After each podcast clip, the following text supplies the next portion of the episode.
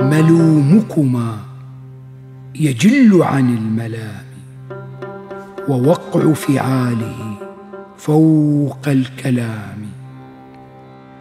ذراني والفلاة بلا دليل ووجهي والهجير بلا لثام. فإني أستريح بذي وهذا.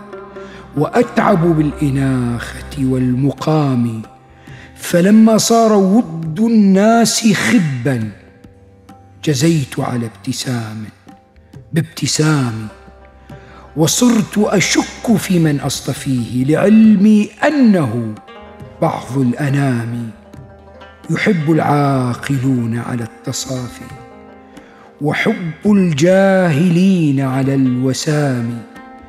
وآنف من أخي لأبي وأمي. إذا ما لم أجده من الكرام أرى الأجداد تغلبها كثيرا.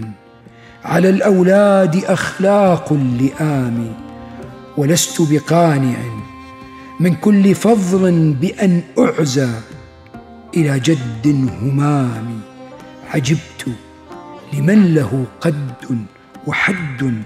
وينبو نبوة القضم الكهام ولم أر في عيوب الناس شيئا كنقص القادرين على التمام.